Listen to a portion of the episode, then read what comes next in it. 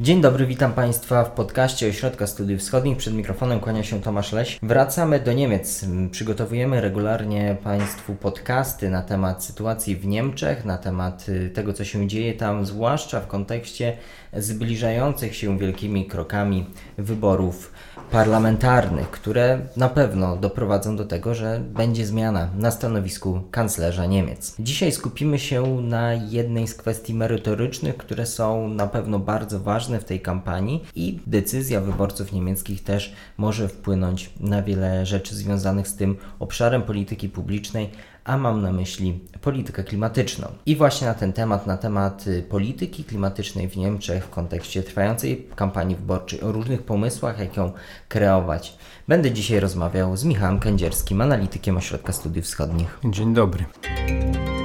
To jest podcast Ośrodka Studiów Wschodnich.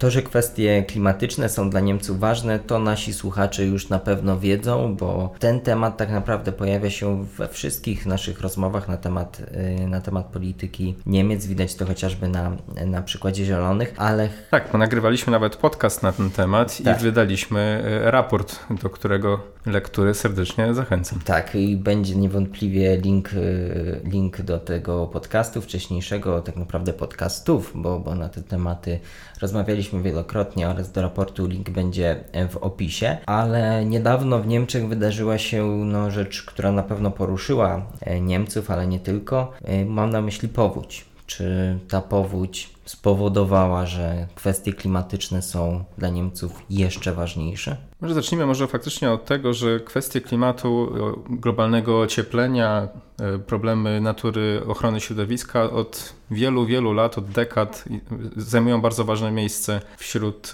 e, dla, dla opinii publicznej w Niemczech. I w ostatnich dwóch, trzech latach obserwujemy wzmożenie tego zainteresowania, wzmożenie tego znaczenia dla niemieckiego wyborcy, co przełożyło się na, na poparcie dla, dla Partii Zielonych. Jest jedną z odpowiedzi na to pytanie, dlaczego Zieloni są tak silni w ostatnich latach. To zainteresowanie kwestiami zmian klimatu i polityką klimatyczną rośnie w Niemczech e, wraz z występowaniem różnych gwałtownych zjawisk pogodowych, upałów, e, susz, e, pożarów lasów, czy właśnie w przypadku powodzi. I teraz właśnie obserwujemy dokładnie ten sam schemat, tą samą, tą samą współzależność. To znaczy w ostatnim badaniu przeprowadzonym pod koniec lipca, czyli już e, kilkanaście dni po, po tej e, katastrofalnej powodzi w zachodnich Niemczech, w jednym z badań przeprowadzonych na temat najważniejszych problemów dla niemieckiej opinii publicznej, kwestia klimatu mm, transformacji energetycznej zajęła drugie miejsce z wynikiem 44% za pandemią COVID-19, która, na którą wskazało 45% badanych, czyli mhm. tuż za, za tym tematem, który dominuje od 2020 roku. To pokazuje, jak ważne y, y, znaczenie, jak ważną rolę odgrywa, odgrywają zmiany klimatu i ściśle z nią związana problematyka y, mhm. transformacji energetycznej w Niemczech. I tak naprawdę to, co my tutaj mówimy jako polityka klimatyczna, też oznacza bardzo wiele, bardzo różnych tematów, które są w niemieckiej sferze publicznej poruszane. Będziemy o tym rozmawiać od transportu po kwestię odejścia od węgla chociażby, ale chciałbym, żebyśmy na początku zrobili taką mapę tych spraw, które są konsensusem, co do których nikt w Niemczech no może, może poza tym elementem skrajnym w postaci AfD, nie ma wątpliwości. Jakie są takie punkty, konsensusu, co do których sporu w Niemczech nie ma. W ogóle samą politykę klimatyczną, potrzebę prowadzenia działań e, przeciwdziałających globalnemu ociepleniu popiera e, w Niemczech 78% e, badanych, czyli z ideą, z głównymi założeniami, kierunkami transformacji energetycznej w Niemczech zgadza, zgadza się 4 na 5 Niemców. Podobnie jest też w, w polityce, to znaczy zdecydowana większość czołowych, liczących się partii politycznych w Niemczech popiera transformację transformację energetyczną i jej główne kierunki. Natomiast gorący spór toczy się co do poszczególnych instrumentów, poszczególnych sposobów wdrażania transformacji energetycznej, też co do tempa. Jeśli chodzi o konsensus, o te tematy, które nie budzą wątpliwości, no to tutaj na pewno możemy wymienić stawianie na odnawialne źródła energii. Każda partia, z wyjątkiem właśnie alternatywy dla Niemiec, która kwestionuje politykę klimatyczną i Energiewende w całości, to wszystkie pozostałe liczące się partie polityczne stawiają na rozwój odnawialnych źródeł energii z docelowym oparciem całego krajowego systemu elektroenergetycznego na odnawialnych źródłach energii, czyli w 100%. I o ile wszystkie partie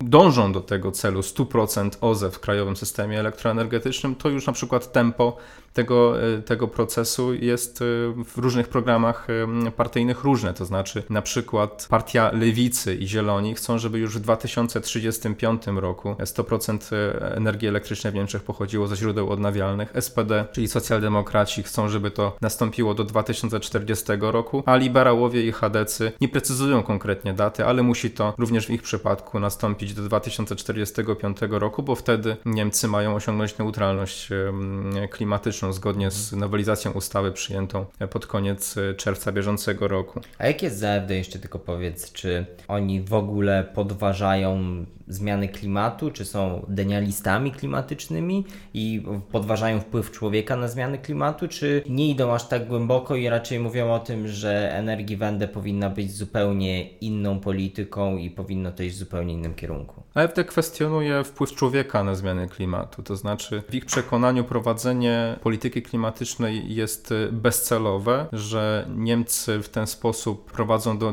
deindustrializacji własnej, własnej gospodarki i prowadzą de de facto politykę wbrew e, własnym obywatelom. To jest ta narracja, e, którą e, prowadzą politycy AfD. Oni kwestionują energii wędę w całości, to znaczy są przeciw odnawialnym źródłom, źródłom energii, są przeciw wychodzeniu z energetyki węglowej, są przeciw wychodzeniu z energetyki jądrowej. Generalnie popierają utrzymanie do tego systemu energetycznego, który funkcjonował w Niemczech zanim rozpoczął się proces odchodzenia od atomu na początku XXI wieku. Ale AfD to raczej nie będzie partia, która w Niemczech po tych wyborach y, władzę przejmie i prawdopodobnie także nie będzie uczestniczyć w jakimkolwiek układzie rządzącym. Nie, współpracę więc... z tą partią wykluczają wszystkie y, pozostałe partie polityczne, które mogą, mają szansę dostać się do Bundestagu, także faktycznie tą partię można pominąć w dużej mierze w dyskusji na temat tego, jak polityka energetyczna i klimatyczna Niemiec może wyglądać po wyborach. Więc się skupmy na tych partiach, które, które mogą mieć na to realny wpływ, które w tym układzie rządzącym uczestniczyć mogą. Kwestią bardzo kontrowersyjną jest też kwestia związana z opłatą OZE i tutaj też partie mają wspólne raczej stanowisko i raczej jest to przedmiotem jakiegoś konsensusu. O co to jest opłata OZE i o co w ogóle chodzi w tej sprawie? W ramach polityki klimatycznej w Niemczech panuje też konsensus, e, znowuż oprócz AfD, co do tego, że emisja gazów cieplarnianych powinna być obarczona e, odpłatnością. To znaczy, że jeśli zużywamy paliwa e, kopalne, benzynę, olej napędowy, olej opałowy czy gaz ziemny, to powinniśmy jako konsumenci ponosić pewną odpłatność za to, że to ma szkodliwe działa, działanie dla dla klimatu. Natomiast, aby uniknąć protestów społecznych, uniknąć tego ryzyka popadnięcia w ubóstwo energetyczne, szczególnie tych naj, najsłabiej sytuowanych obywateli, wszystkie partie w Niemczech, te najbardziej liczące się partie w Niemczech, postulują pewnego rodzaju rekompensaty, to znaczy, że jeśli z jednej strony mają być podrażane paliwa kopalne, to z drugiej strony te dodatkowe koszty powinny być rekompensowane. I tutaj faktycznie wszyscy stawiają na to, że coraz tańsza powinna być energia elektryczna. Z jednej strony dlatego, bo to ma rekompensować te dodatkowe koszty użytkowania paliw kopalnych, a z drugiej strony dlatego, że jeśli Niemcy mają podążać w kierunku neutralności emisyjnej, to muszą też stawać na elektryfikację poszczególnych działów e, gospodarki i w ten sposób jest to najprostsze, to znaczy przesiadanie się na przykład z samochodu na, mm, z silnikiem spalinowym do samochodu elektrycznego, zmiana e, ogrzewania w domu, domu, na pompę ciepła, czyli elektryfikacja. I jeśli tańsza będzie energia elektryczna, relatywnie tańsza, mhm. bardziej konkurencyjna w stosunku do użytkowania paliw kopalnych, to ten proces będzie postępował szybciej, będzie się po prostu opłacał dla obywateli. Dlatego ten kierunek potaniania energii elektrycznej jest również należy do konsensusu między głównymi partiami politycznymi i najprostszą metodą potaniania energii elektrycznej w Niemczech jest rezygnacja właśnie z tej kontrowersyjnej opłaty OZE, która stała się jednym z symboli energii Wendy. Opłata OZE e, to jest taka opłata, którą każdy konsument energii w Niemczech ponosi na rzecz wspierania rozwoju odnawialnych źródeł energii w Niemczech. Ta opłata e, obecnie odpowiada za około 1 piątą wysokości rachunków e, za prąd i jest też odpowiedzialna za wyraźny wzrost kosztów energii elektrycznej w ostatniej mhm w ostatniej dekadzie. Dlatego większość partii politycznych e, postuluje kompletne zniesienie tej opłaty, oczywiście rozłożone w czasie. Na przykład HDC i socjaldemokraci chcą, żeby nastąpiło to do 2025 roku i e, tą lukę, która powstanie wskutek e, rezygnacji z, z opłaty OZE miałaby, miałoby wypełnić dodatkowe wpływy pochodzące z odpłatności za emisję. Zarówno w tym systemie krajowym, bo Niemcy od, od tego roku, od 2021 roku roku wprowadzili system odpłatności za emisję w sektorach transportu i użytkowania budynków i również z tego systemu unijnego, który dotyczy przemysłu i, i energetyki. To z tych źródeł, jak również e, z budżetu federalnego, jeśli taka będzie potrzeba, mają pochodzić e, środki na wspieranie rozwoju energetyki odnawialnej, a nie już e, z rachunków za prąd gospodarstw domowych i małych przedsiębiorstw. Skoro jesteśmy przy, przy węglu i, i rezygnacji, jak tutaj wygląda podejście partii politycznych, czy też wyjście z węgla, jak rozumiem, jako cel jest konsensusem, ale różne tutaj mogą być drogi, a właściwie nie drogi, a różne daty końca i osiągnięcia tego celu. Tak, faktycznie co do samego wyjścia z węgla panuje konsensus na scenie politycznej, natomiast tempo tego odejścia y, już jest ponownie tematem sporu. Pamiętamy, w 2019 roku y, pracę zakończyła Komisja Węglowa, niemiecka Komisja Węglowa, w ramach której doszło do społeczno-gospodarczo-politycznego kompromisu różnych środowisk. W ramach prac tej komisji ustalono, że Niemcy odejdą od węgla do 2038 roku z opcją przyspieszenia tego procesu o 3 lata. Ale to było ponad dwa lata temu. W międzyczasie Niemcy, jak i Unia Europejska przyjęła bardziej ambitne cele redukcji emisji i również z tego powodu, czy też głównie z tego powodu, prawdopodobnie niemieckie odejście od węgla będzie musiało przebiegać szybciej. I tu też pojawia się ten temat w bieżącej kampanii wyborczej. O ile Zieloni i, i Lewica, czyli te partie, które najszybciej chcą w 100% oprzeć system energetyczny na odnawialnych źródłach energii, chcą, żeby z węgla zrezygnować, ostatnią e, elektrownię węglową wygasić do 2030 roku, o tyle pozostałe partie politycz polityczne już e, nie są tak, e, tak prędkie, nie, są, nie chcą e, aż tak szybko odchodzić od węgla. Tutaj na przykład HDC i socjaldemokraci, czyli partie, które teraz rządzą i odpowiadają za regulacje obecnie obowiązujące dotyczące odejścia od, od węgla, podkreślają, że trzeba w tym całym procesie uwzględniać interesy regionów wydobycia, mieć na, na uwadze kwestie bezpieczeństwa dostaw energii i uważają, że od, odgórne przyspieszanie tego procesu y, nie jest y, dobrą drogą. Natomiast i one nie wykluczają, że ten proces będzie przebiegał y, szybciej niż obecnie jest to zapisane w ustawie, czyli do 2038 lub 2035 roku. Główni politycy obozu rządowego w Niemczech wręcz coraz częściej prowadzają do obiegu takie opinie, przygotowujące społeczeństwo na to, że nastąpi to wcześniej. Natomiast obecne, obecna architektura niemieckiego procesu odejścia od węgla pozwala na to, że elektrownie będą wygaszane szybciej bez ingerencji e, polityki, czyli znowuż wskazywania odgórnego, która elektrownia kiedy ma zostać wyłączona i w którym roku Niemcy mają odejść od węgla. Tutaj tym głównym czynnikiem, który będzie przyspieszał ten proces, będą ceny uprawnień do emisji w ramach unijnego systemu handlu emisjami ETS. Wiemy już, że partie polityczne nie chcą, zgodnie oczywiście poza AfD, e, nie chcą węgla, więc pytanie, co poza tym. Kwestią, która budzi duże kontrowersje, jeśli chodzi o energię O postrzeganie energii Wende poza granicami, to między innymi się gdzieś w polskiej dyskusji pojawia, jest kwestia atomu. Czy tutaj Niemcy, wszystkie partie znowu poza AfD są zgodne, że Niemcy z atomu odejść powinny? Odwrócenie tego procesu, który zakłada, że ostatnia elektrownia jądrowa zostanie wyłączona z końcem 2022 roku, pozostaje politycznie wykluczone. Chociaż nieoficjalnie niektórzy politycy, szczególnie chadecy i liberałowie, nieoficjalnie przyznają, że odwrócenie tego kolejności y, procesu transformacji energetycznej, czyli najpierw wygaszenie elektrowni węglowych, a później jądrowych, byłoby lepsze z perspektywy mm, ochrony klimatu, to ze względu na antyatomowe nastawienie niemieckiego społeczeństwa, właśnie ten proces, odwrócenie tego procesu pozostaje politycznie wykluczone. W ostatnim badaniu e, dwie trzecie e, Niemców opowiedziało się za wyjściem z atomu i mniej więcej na tym e, poziomie od lat prezentuje się poparcie dla rezygnacji z energetyki jądrowej. Warto podkreślić właśnie to, że szczególnie HDC i liberałowie to były te partie, które w 2010 roku starały się przedłużyć żywotność energetyki jądrowej, odeszły od tego pierwszego planu e, rezygnacji, które przyjęły e, SPD i Zieloni w, w 2000 roku. Natomiast e, wtedy wydarzyła się Fukushima w 2011 roku, zaledwie kilka miesięcy po tym, jak HDC i liberowie próbowali przedłużyć e, funkcjonowanie energetyki jądrowej. Wtedy wydarzyła się Fukushima e, i nastroje społeczne tak naprawdę, które z perspektywy czasu możemy powiedzieć, że nosiły znamiona pewnej histerii, doprowadziły do tego, że i chadecy, i liberałowie musieli przyłączyć się do, e, do tego chóru przeciwników energetyki jądrowej i do dzisiaj już tak pozostało, to znaczy tylko i wyłącznie AfD jest za pozostawieniem czynnych elektrowni jądrowych. Wszystkie pozostałe partie już w ogóle nie kalkulują i oficjalnie oficjalnie nie podnoszą takich postulatów. I tylko tak naprawdę ze względów politycznych, nie klimatycznych. Tak, chodzi tutaj po prostu o antyato antyatomowe nastawienie społeczeństwa. Znaczy, tak jak mówię, w nieoficjalnych rozmowach część polityków przyznaje, że łatwiej byłoby przeprowadzić Energiewende, no łatwiej byłoby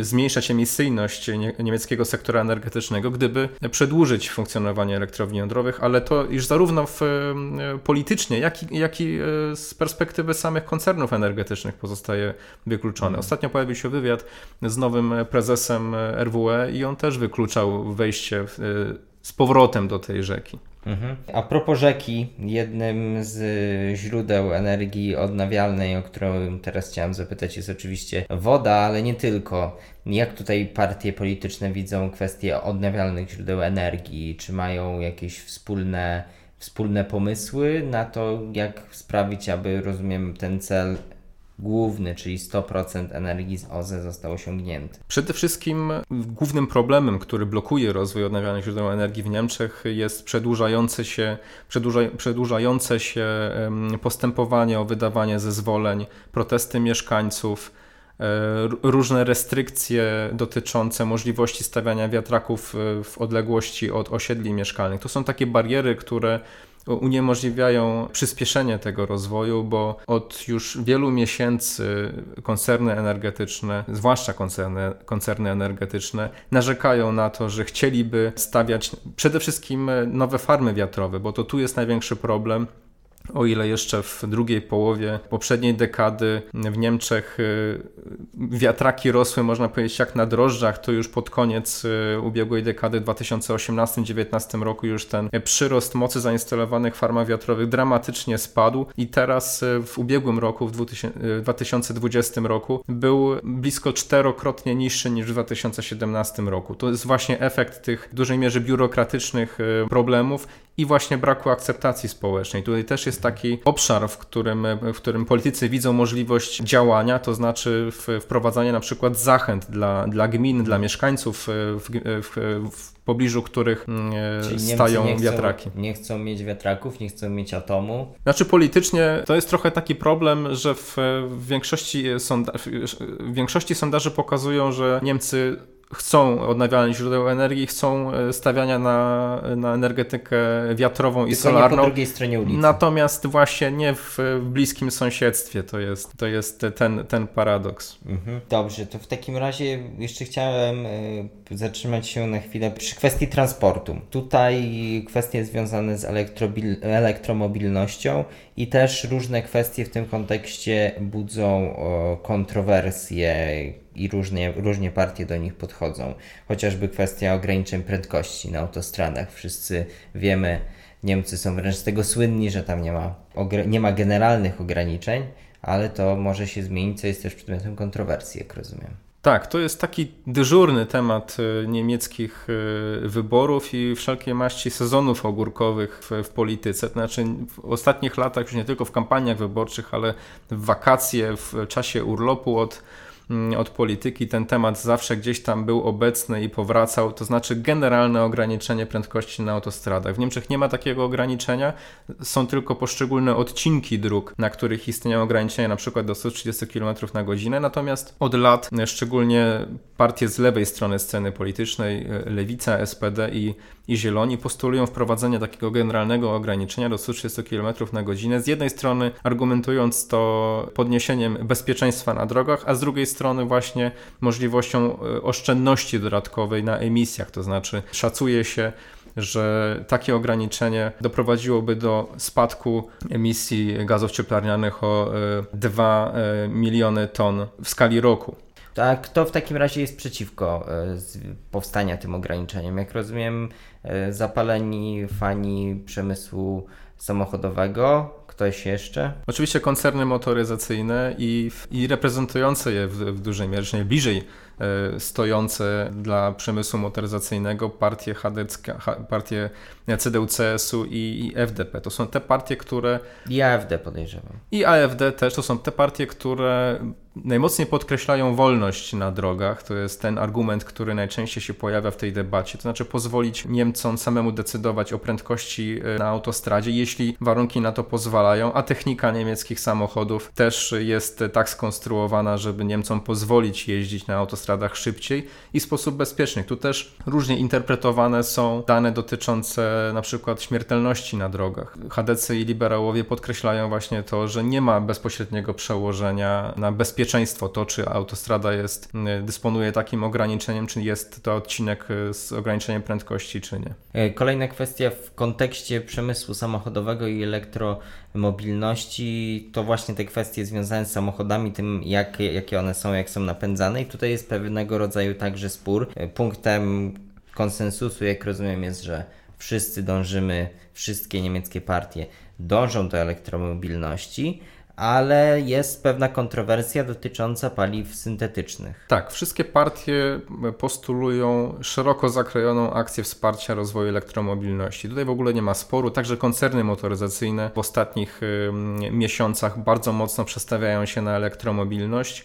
I o ile tutaj nie ma sporu, to znaczy szerokie wsparcie w formie dopłat do, do zakupu, wspomagania y, rozwoju infrastruktury do ładowania, o tyle tematem sporu jest to, czy elektromobilność czyli samochody bateryjno-elektryczne, mają być tym jedynym napędem przyszłości w segmencie e, transportu drogowego, indywidualnego transportu drogowego, czyli samochodów osobowych. I tutaj na przykład Zieloni chcieliby, żeby ograniczyć wsparcie tylko i wyłącznie do, do samochodów bateryjno-elektrycznych. Natomiast na przykład HDC i liberałowie i także AFD postulują pewną neutralność technologiczną, to znaczy umożliwienie wsparcia również produkcji paliw syntetycznych, które mogłyby być stosowane w, w samochodach z silnikami spalinowymi zamiast obecnie stosowanych paliw na bazie ropy naftowej. To byłaby pewna ucieczka od tego wyroku śmierci, które obecne tendencje rynkowe i polityka klimatyczna klimatyczna zadają technologiom silników spalinowych. Natomiast tego dotyczy kontrowersja, dlatego, bo badania pokazują, że produkcja paliw syntetycznych z wodoru, które byłyby neutralnie emisyjne, neutralne emisyjnie, jest po prostu proces, proces produkcji tych, tych paliw syntetycznych jest o wiele mniej efektywny, to znaczy więcej energii trzeba zużyć na produkcję takiego paliwa niż jest to w przypadku napędu w silniku bateryjno-elektrycznym. Czyli tutaj pod względem ekologii e, jednak argumenty stoją za, za tymi samochodami. Oszczędności energii, tak. Oszczędności energii. Prawdopodobnie mhm. też y, silniki bateryjno-elektryczne byłyby tańsze w obsłudze mhm. Y, niż, y, niż samochody, które miałyby być napędzane paliwami syntetycznymi. Natomiast spór dotyczy tego, czy to odgórnie polityka ma o tym decydować, mhm. Czy jednak na końcu konsument, który z własnych sobie pobudek będzie być może gotów płacić więcej, byleby jeździć samochodem na, na, z silnikiem spalinowym, ale jednak neutralnie emisyjnie. Mhm. Jeszcze zupełnie inną kwestią jest y, kwestia wodoru i samochodów na wodór, ale to jest e, temat rzeka i raczej temat y, przyszłości, ale na ten temat rozmawialiśmy w poprzednim podcaście, link pozostawiam w opisie.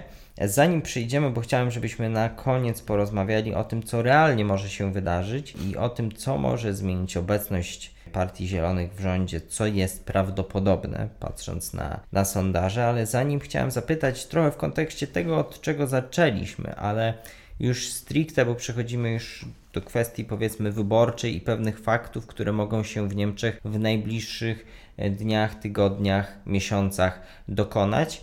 Czy ten temat polityki klimatycznej jest takim czołowym, topowym tematem w niemieckiej kampanii wyborczej, czy jednak jest on gdzieś tam, pojawia się, ale to nie jest coś, co zdecyduje o tym, kto będzie rządził Niemcami? Znaczy, problematyka klimatyczno-energetyczna jest z całą pewnością dominującym tematem obecnej kampanii y, wyborczej y, w Niemczech.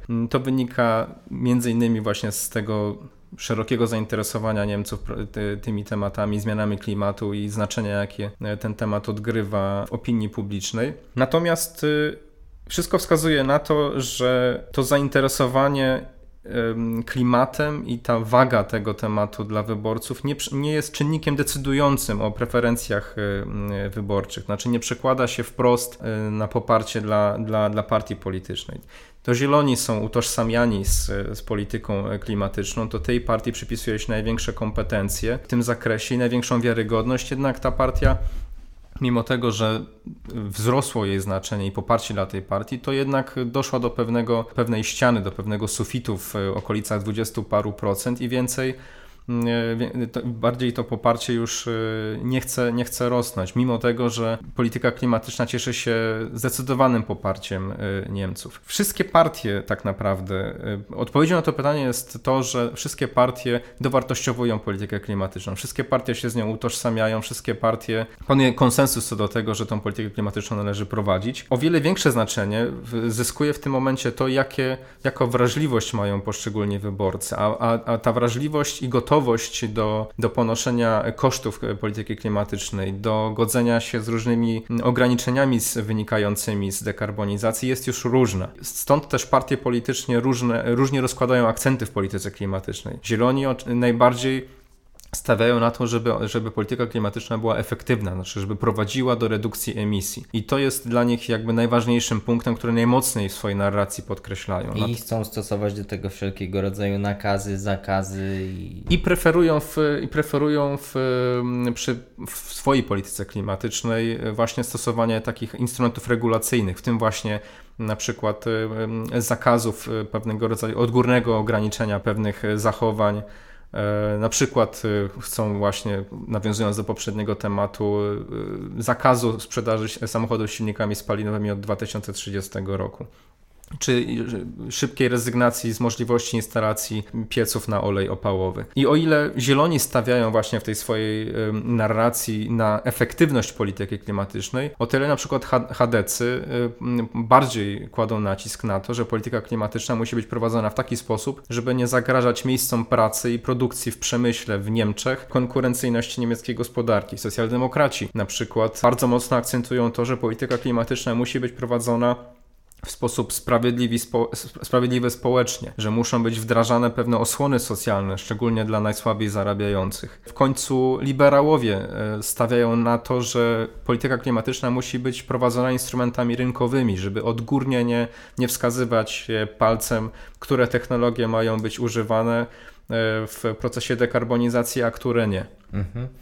I na koniec y, wyborca, który popiera politykę klimatyczną, uwzględnia różne, różne akcenty, różne, y, kieruje się również tą własną wrażliwością i też innymi aspektami, które są ściśle związane z polityką klimatyczną, kiedy podejmuje decyzję o tym, y, na, kogo, na którą partię odda swój głos. No i na pewno dochodzą też inne pozaklimatyczne czynniki, e, które decydują o tym, na kogo ludzie będą głosować. Chciałem, żebyśmy teraz poświęcili trochę czasu Zielonym, gdyż oni, ta partia, Partia Zielonych, ogłosiła swój program i swoje nowe pomysły, jeśli chodzi o politykę klimatyczną i chcą stworzenia takiego super ministra energii. Co to za propozycja? Tak, faktycznie 3, 3 sierpnia Zieloni zapowiedzieli swój program naprawczy, klimatyczny program naprawczy, który będą chcieli wdrożyć w przypadku objęcia sterów państwa w czasie pierwszych studni rządzenia. I największym, najbardziej znaczącym postulatem tego programu jest właśnie powołanie do życia Federalnego Ministerstwa Klimatu, które dysponowałoby prawem weta w ramach prac rządu mm, w stosunku do aktów legislacyjnych, do ustaw, które przeciwdziałałyby realizacji polityki e, klimatycznej i realizacji e, postanowień porozumienia paryskiego. To chyba niespotykane rozwiązanie ustrojowe. I budzi też bardzo duże kontrowersje w samych, w samych Niemczech. Na przykład Hadecy bardzo mocno zaprotestowali przeciwko e, takiemu, takiemu rozwiązaniu.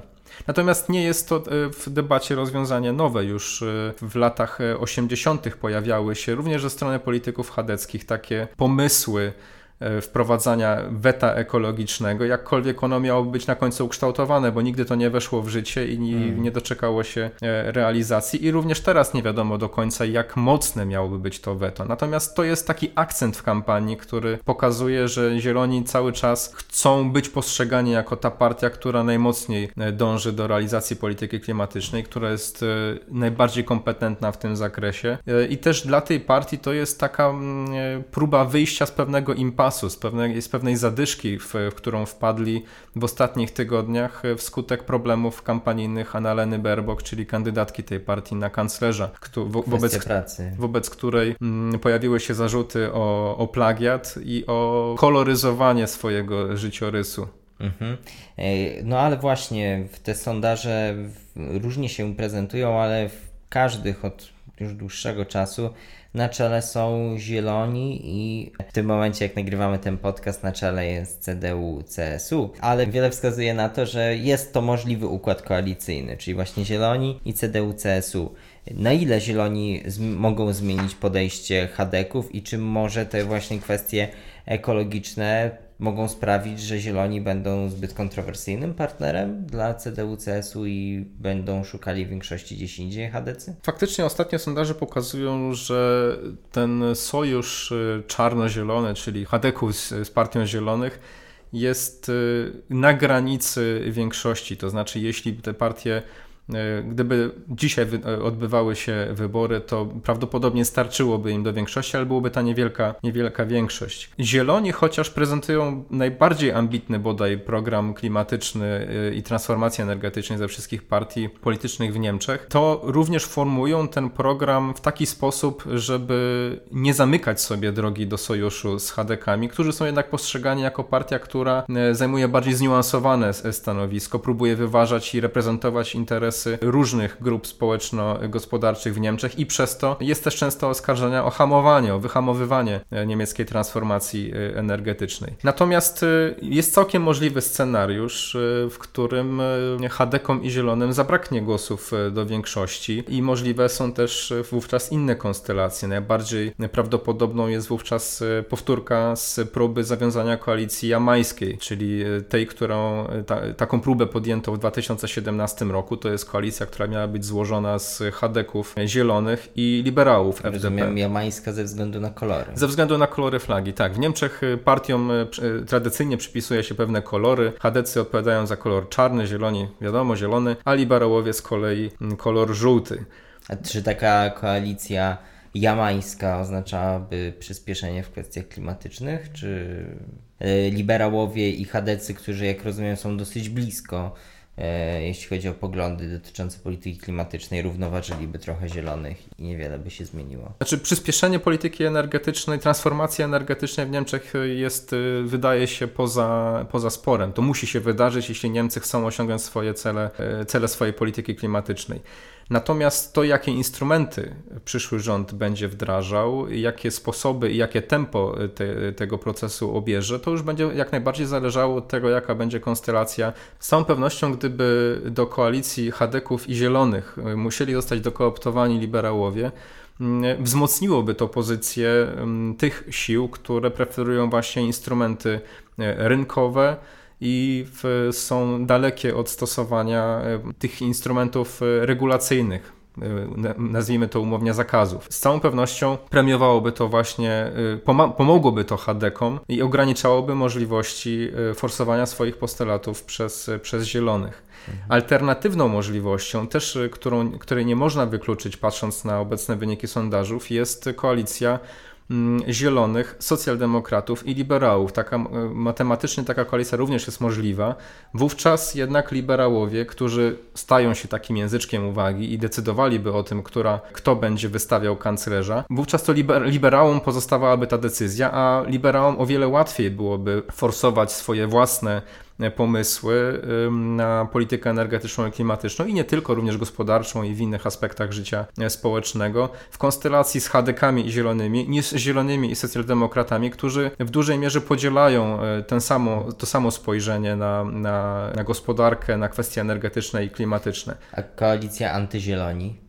Jest możliwa matematycznie, czy to odpada? Jest matematycznie i taka koalicja możliwa, natomiast wydaje się, że to jest najmniej prawdopodobny scenariusz z nich wszystkich, to znaczy koalicja, mówimy tutaj o koalicji um, Hadeków, e, socjaldemokratów i, i, liberałów. i liberałów, tak zwana koalicja niemiecka, właśnie od kolorów e, e, partyjnych. Socjaldemokraci odpowiadają za kolor czerwony, także mamy tutaj kolory wówczas czarny, czerwony i żółty.